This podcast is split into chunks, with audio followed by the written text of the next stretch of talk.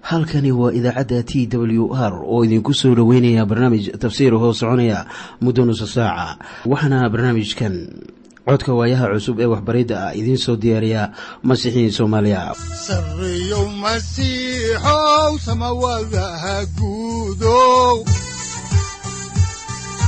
Siraadkii adduunkow subanaha eebow sareyow masiixow samawadaha guudow siraadkii subanaha eebow adigoo samada jiro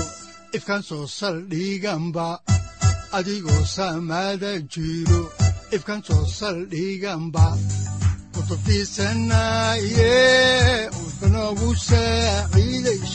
sifahaaga.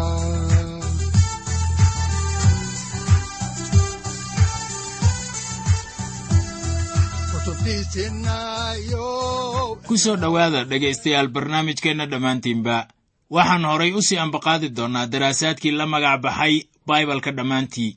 Waxaannu idiin sii wadi doonnaa kitaabkii yeshuuca oo ka mid ah kutubta ahdigii hore. Yeshuuca wuxuu ahaa hoggaamiyihii reer banu israa'iil kadib markii uu nebi muuse geeriyooday. Waxaannu caawa idiin sii wadi doonnaa cutubka kow iyo tobanaad oo lagu mataanshay kan laba iyo tobanaad oo aannu uga gudbi doonno kan saddex iyo tobanaad ilaa iyo kan afar iyo tobanaad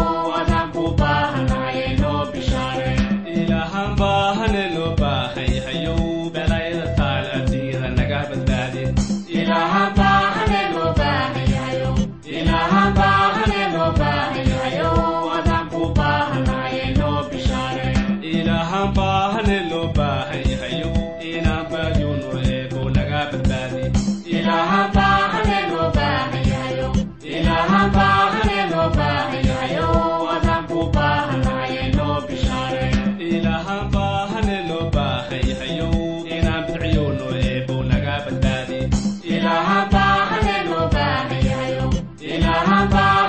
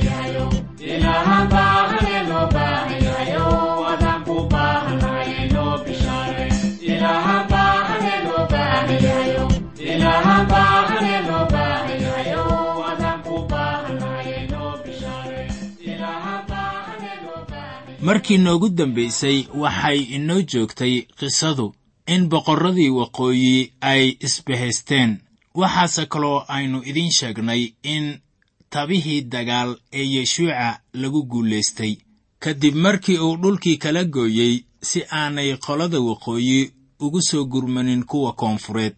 Haddaan horay idinku sii ambaqaadno xigashada kitaabka yeshuuca cutubka kow iyo tobanaad ayaannu iminka eegaynaa aayadda toddobaad waxaana qoran sida tan. Markaase yeshuuca iyo raggii dagaalyahanada ahaa oo dhammu biyihii meeroom agtooda kaga soo kediyeen oy weerareen iyagii. Haddaba qorshihii yeshuuca kadib markii ay dalka u kala qaybiyeen labo ayay noqotay in cadowgii si fudud lagu soo weeraray. Waxaad markaasi arkaysaa haddii aad baadho taariikhda in al iskandarkii weynaa ama al iskandar the great iyo nabilyon ay isticmaaleen xeeshaasi dagaal. Haddaan soo koobno cutubkan kow iyo tobanaad ayaannu hoos ugu soo dhaadhacaynaa oo waxaannu eegaynaa aayadaha siddeed iyo toban ilaa labaatan waxaana qoran sida tan.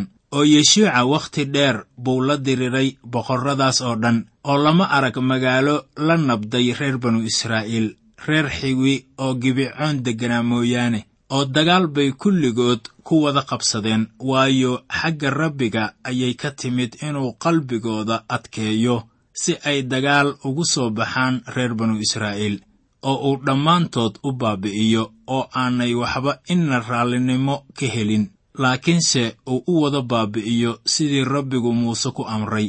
Haddaba waxaannu halkan ku arkaynaa in dagaalkaasu uu ahaa mid aad u dheer oo xanuun badan iminka cutubka laba iyo tobanaad waxaa ku qoran oo keliya magacyadii boqorradii ay reer banu israa'iil qabsadeen. Sida daacadda ah cutubka sidan oo kale ah ma ahan mid xiise badan.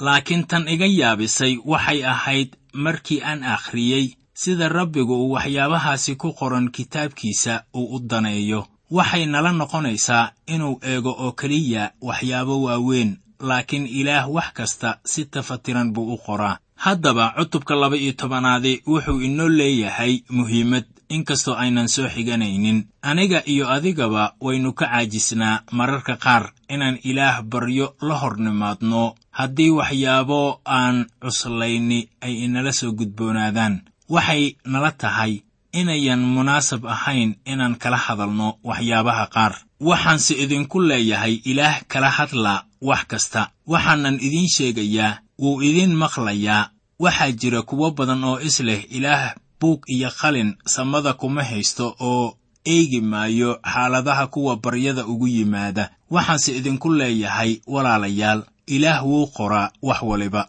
Wuxuu ilaah haystaa laba xusuus qor oo mid waxaa la yidhaahdaa buugga camallada. Kan kalena waxaa la yidhaahdaa kan nolosha eewanka mid ka mid ah ayaa magacaagu uu ku qoran yahay saaxib waxaa lagu qoray kitaabka nolosha eewanka marka aad rumaysan tahay in masiixu uu yahay badbaadiyahaaga magacaaga lagu qori maayo kitaabkaas haddii aad doonayso inaad dadaalkaaga ku gaarto halkaasi. Markaana haddii magacaagu uu ku qoran yahay kitaabkaas waxaad helaysaa nolosha daa'imka ah ee aad ku yeelatay masiixa. Waxaa kaloo jira kitaabka lagu qoro camallada waxaana kitaabkaasi ku qoran wax kasta ee aad samaysay dad badan ayaa ceeboobaya marka ay soo saaraan in wixii ay sameeyeen ayan noqonaynin wax qarash ay ku bixiyeen oo qiimi leh haddaba ilaah muhiim bay u tahay arrimaha ku saabsan shakhsi waliba ee uu uumay. Haddaan faalladaasi gaaban kaga gudubno cutubkii laba iyo tobanaad inkastoo aynu idin dulmarnay wixii uu ku saabsanaa ayaannu iminka uga gudbaynaa kan saddex iyo tobanaad. Mawduuca cutubkan saddex iyo tobanaadi uu ka kooban yahay waxa weeye iyadoo loo xaqiijinayo dhulkii ay doorteen reer ruben iyo reer dan iyo qabiilkii reer manasex barkiis haddaan xaalkaasi ka eegno qorniinka ayaannu idiin bilaabaynaa aayadda koowaad ee cutubka saddex iyo tobanaad.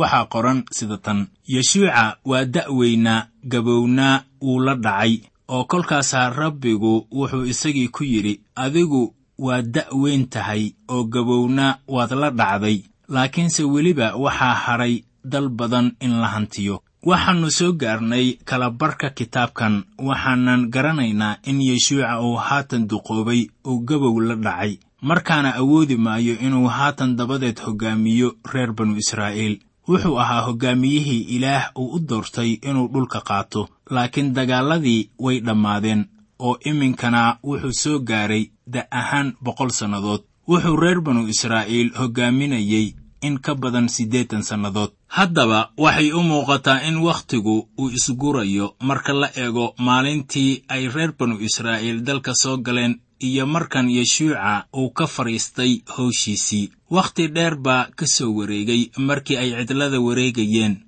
oo haatan waxay ilaa iyo labaatan sannadood joogaan dhulkii loo ballanqaaday ee caanaha iyo malabka la barwaaqaysnaa. Waxay iminka hantiyeen dhulkoodii wakhtiguna wuu socdaa. Dadku garan maayaan laakiin wakhtigu inuu socdo. Muuse oo ahaa addoonkii rabbiga ayaa ku leh ducadiisii reer banu israa'iil uu u ducaynayey cimrigayagu waa toddobaatan sannadood oo xataa hadduu xoog aawadiis ku sii dheeraado waa siddeetan sannadood. Laakiin faankiisu waa howl iyo caloolxumo miidhan waayo haddiiba uu iska dhammaadaa oo annana waannu duulnaa markaana haddii aad dib uga fakarto sannadihii aad jirtay waxaad ogaanaysaa inaad wada xusuusato wakhtigii aad dhallinyarada ahayd oo dhan.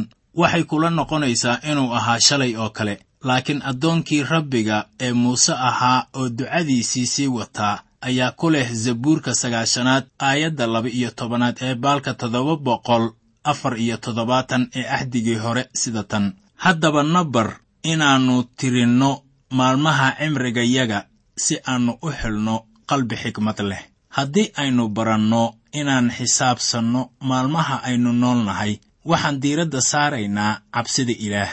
Markaasaannu injiilkiisa nabadda ka fikiri lahayn intaan baararka iyo goobaha cawayska aynu wakhtiyadeenna ku lumin lahayn. Muuse wuxuu leeyahay nabar inaannu tirinno maalmaha cimrigayaga sababtuna waxa weeye si aynu u helno qalbi xikmad leh. Waxaan markaasi rumaysanahay in yeshuuca wakhtigiisu uu xisaabsanaa oo uusan ahayn mid wakhtigiisa ku lumiya waxyaabo aan sharaf iyo macaani u lahayn ninkii ilaah ka cabsada. Haddaba markii aad dusha ka eegto reer banu israa'iil waxay u muuqdaan in wax waliba ay u hagaagsan yihiin. Waxay soo galeen dhulkoodii oo waxay kala xidheen cadaawayaashoodii dalka ku noolaa ee ku kala baahsanaa koonfur iyo waqooyi waxay qabsadeen koonfurta waxayna ku siqeen dhanka waqooyi waana wada qabsadeen laakiin rabbigu wuxuu xusuusinayaa inuu weli haray dhul badan oo ay tahay inay hantiyaan. Inkastoo aynu ilaah howlo badan u qabanno ayaan idinku leeyahay kuwiinna ilaah u adeegow. Howli ma dhammaan. Bawlos oo lagu yaqaan hoga tusaalaynta masiixiyiinta ayaa leh sida ku qoran warqaddiisii reer filiboy oo qayb ka ah kitaabka axdiga cusub cutubka saddexaad aayadda laba iyo tobanaad sida tan. Mana aha inaan hore u helay amase hore la ii kaamilay laakiinse waan ku sii dadaalayaa inaan qabsado wixii ciise masiix uu ii qabtay. Ilaah wuxuu u sheegayaa yeshuuca in meeshii ay reer banu israa'iil cag saaraanba ay dhulkoodii noqonayso. Laakiin kuma ayan wada socon ama marin dhulkii oo dhan. Xitaa innaga ayaan awoodaynin inaan wada yeelanno barakooyinka ruuxa oo dhan. Waxaase jira kuwo badan oo ay la tahay inay helaan intii ku filan barakooyinka ruuxa. Kuwa caynkaas ah waxay ku qanacsan yihiin noloshooda ay haystaan. Welibana wax jacayl ah uma hayaan ay horay ugu sii wadaan halgankooda ah inay dadaal ugu rooraan xagga goolka iyo ilaa abaalgudka yeerista sare oo ilaah oo ah xagga ciise masiix. Waxaa soo dhammaanaya hoggaankii ama amarkii yeshuuca oo sii ahaan maayo jenaraalka dagaalka waa yeshuuca eh. Howsha ugu xigta waxa weeye inuu kala gooyo dhulka oo uu hubiyo wixii nebi muuse uu ka ballanqaaday labadii qabiil iyo qabiilka reer manasex barkiis ee ahaa inay degaan daanta bari ee webiga jordan haddaba dhulkaasi ayaa loo xaqiijinayaa qabaa'iladaasi. Waxayna kala ahaayeen haddii aadan horay ula socon reer rubeen reer gaad iyo reer manasex barkiis. Haddaan soo koobno cutubkan saddex iyo tobanaad aynu dulmar un ku samaynay. Ayaannu eegaynaa aayadaha toddoba ilaa siddeed. Waxaana qoran sida tan. Haddaba dalkan dhaxal ahaan ugu qaybi sagaal qabiil iyo qabiilka reer manasix barkiis kuwaasoo ay reer ruben iyo reer gaad la heleen dhaxalkoodii uu muuse ka siiyey xagga bari oo webi urdun ka shishaysa xataa sidii addoonkii rabbiga oo muuse ahaa uu u siiyey iyaga. Howsha yeshuuca loo dhaariyey markaan eegno kitaabka ku magacaaban cutubka koowaad aayadda lixaad ayaan ahayn inuu dhulka qabto laakiin waxay kaloo ahayd inuu qaybiyo mana ahan inuu qaybiyey oo keliya dhulkii reer kancaan oo markaasi ay kala qaybsadeen. Laakiin wuxuu kaloo qaybiyey dhulal kale oo aan weli la qabsanin. Iminkana waxaynu soo gaarnay cutubka afar iyo tobanaad ee kitaabkii yeshuuca. Cutubkan mawduuciisu waxa weeye in kaaleeb la siiyey xebroon haddaba sagaalkii qabiil iyo qabiil barkiis baa iminka wax loo qaybinayaa kaaleeb iyadoo la sharfayo ayaa waxaa la siiyey xebroon kaaleeb oo addoonnimo ku dhashay ayaa wuxuu ka mid ahaa sirdoonkii la socday yeshuuca oo warka wanaagsan u keenay reer banu israa'iil. Markii ay reer banu israa'iil yimaadeen qaades barnaca markaan eegno aayadda kow iyo tobanaad ee cutubka afar iyo tobanaad waxaannu arkaynaa in kaaleeb uu lahaa isha dhallinyaronimada waxaana ka mid ahaa kow rumaysad lagu iloobo wixii tegey labo rumaysadka wixii jira aan looga leexleexan. Saddex rumaysadka lagu qaabilayo mustaqbalka. Haddaan idin bilowno xigashada cutubka afar iyo tobanaad ayaa waxaa ku qoran aayadaha kow ilaa labo ee kitaabkii yeshuuca baalka laba boqol iyo sagaashan sida tan. Kuwanu waa dhaxalkii ay reer banu israa'iil ka qaateen dalkii reer kancaan oo wadaadkii eelacasaar ahaa iyo yeshuuca inanuun iyo madaxdii qabiilooyinkii reer banu israa'iil ay qaybiyeen oo sidii rabbigu ku amray muuse sagaal qabiil iyo qabiil barkiis saami bay ku heleen dhaxalkoodii.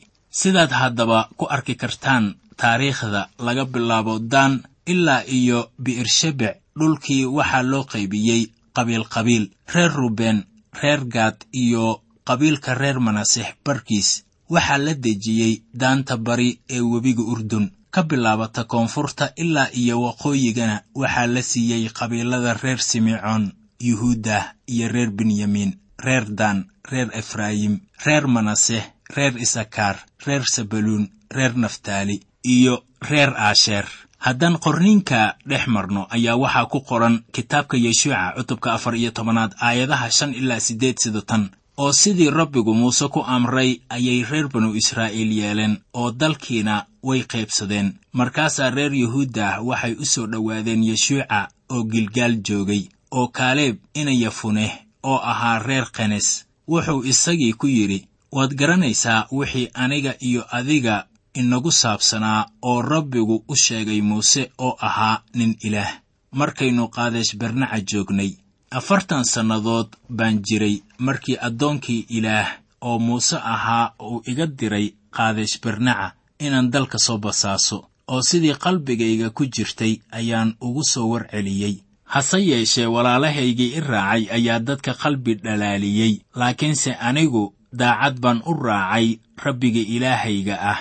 Kaaleeb wuxuu ahaa nin dhammaantiisba raacay ilaah haddii aad doonayso in cimrigaagu uu ku dheeraado dhulka oo aad nolol wacan lahaatid ayaa qarsoodiga halkan ku yaal muhiim uu ku noqonaya. Waxaan ka eegaynaa kitaabka yeshuuca cutubka afar iyo tobanaad aayadaha toban ilaa kow iyo toban sida tan. Oo haddaba bal eeg rabbigu waa i soo gaarsiiyey ilaa haatan. Anoo nool siduu ku hadlay. Oo shan iyo afartanka sannadood baa ka dambaysay markii rabbigu muuse eraygan kula hadlay oo waxay ahayd intii ay reer banu israa'iil cidlada dhex socdeen oo haatanna maanta waxaan jiraa shan iyo siddeetan sannadood oo weliba maanta iyo maalintii nebi muuse uu i diray isku xoog baan ahay oo intii itaalkaygu waagaas ahaa ayuu haatanna yahay inaan dagaal galo iyo inaan baxo soona galo. Kaaleeb haatan wuxuu jiraa siddeetan iyo shan sannadood wuxuuna leeyahay maalintii nebi muuse uu i diray iyo maalinka maanta ah isku xoog baan ahay. Waa markii sirdoonka ay u galeen dhulkii la ballanqaaday. Wakhtigii afartanka sannadood ay lamadegaanka ku safrayeen isaga iyo yeshuuca ayaa wixii la socday ee ay isku da'da ahaayeen ay iminka wada baaba'een oo ninna kama harin. Waxaa yeshuuca iyo kaaleeb la socday toban kale oo sirdoon loo diray waxayna dadkii u keeneen tobankaasi war aan wanaagsanayn. Kuwii warka xun keenay oo dhan way wada baaba'een.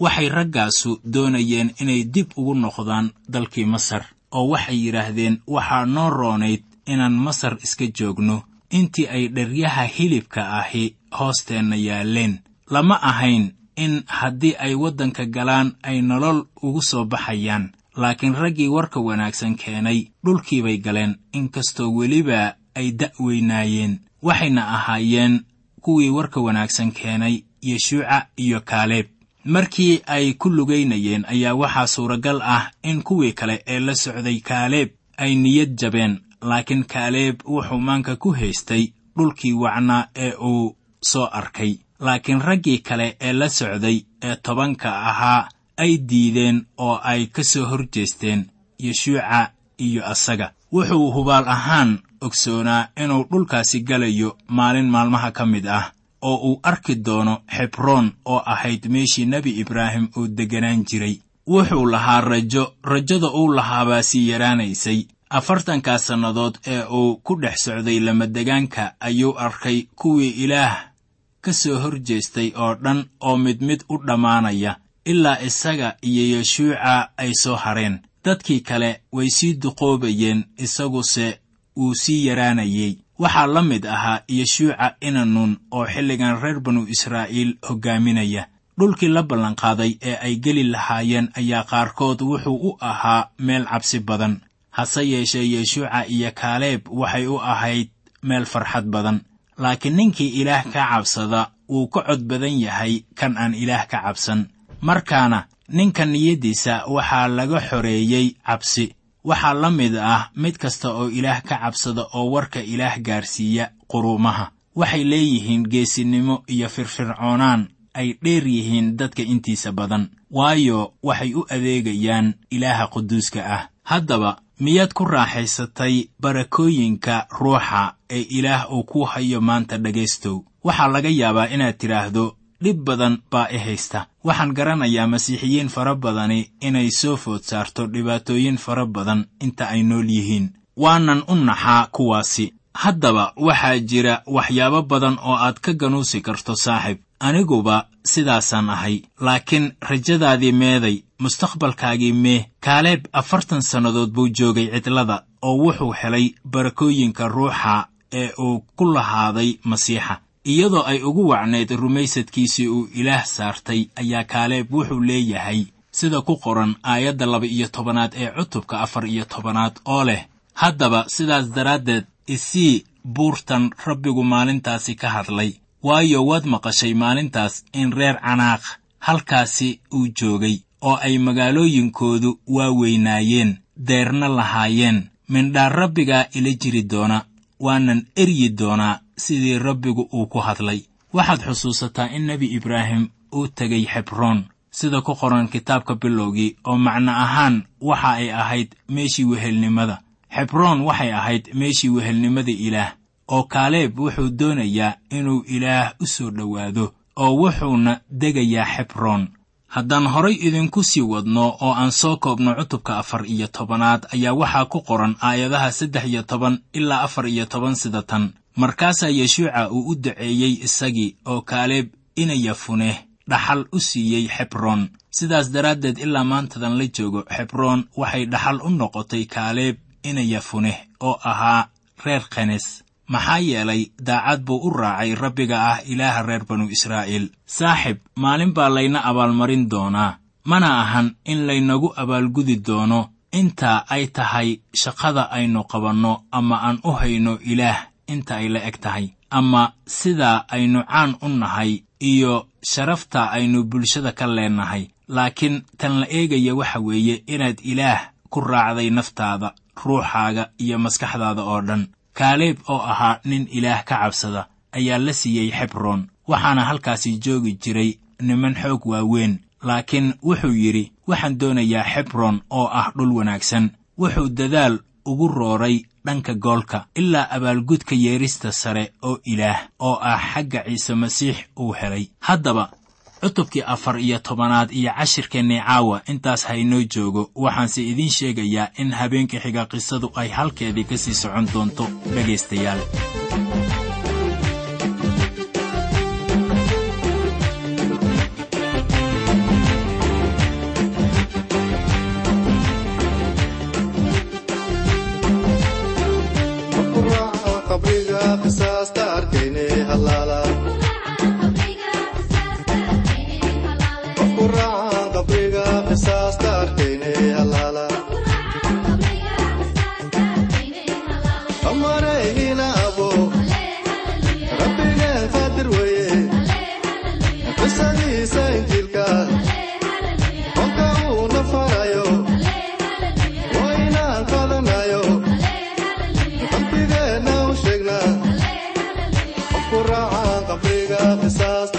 Hallelujah.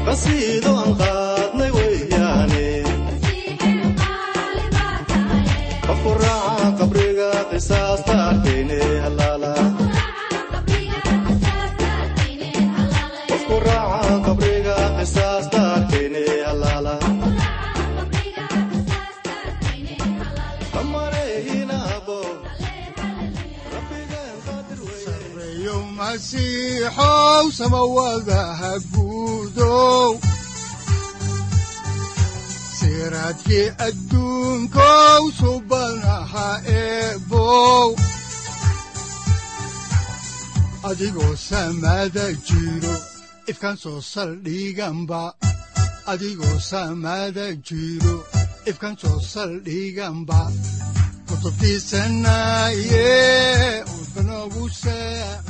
halkani waa t w r idaacadda t w r oo idinku leh ilaa ha idin barakeeyo oo ha idinku anfaco wixii aad caawi ka maqasheen barnaamijka.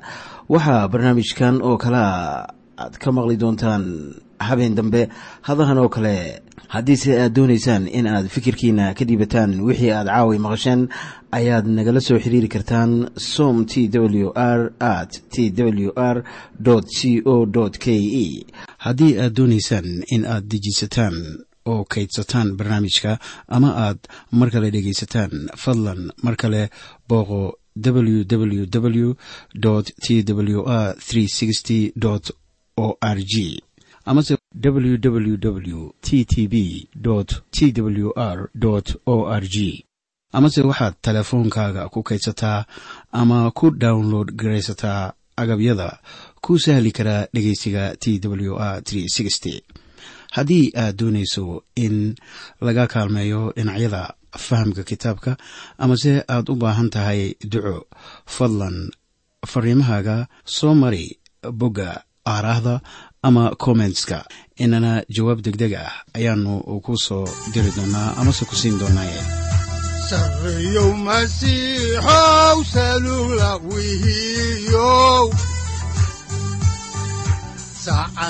timid dhulka sabada ku dhalatiyo